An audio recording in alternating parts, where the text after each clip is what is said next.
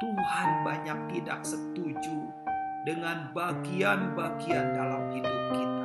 Seolah-olah Tuhan itu berkata, aku nggak setuju ini, aku nggak mau ini, aku nggak suka ini, singkirkan. Baru saja kita membuang bagian yang ditunjuk oleh Tuhan, tiba-tiba tangannya, telunjuknya mengarah lagi ke bagian-bagian yang lain.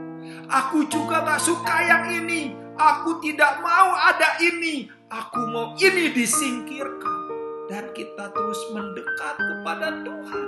Karena kita dengan rendah hati. Ya Tuhan, apalagi yang harus disingkirkan, apalagi yang kau nggak mau, apalagi yang kau nggak suka dalam hidupku. Dan orang itu terus mendekat. Dan Tuhan berkata, tahirkan tanganmu, anakku, tahirkan.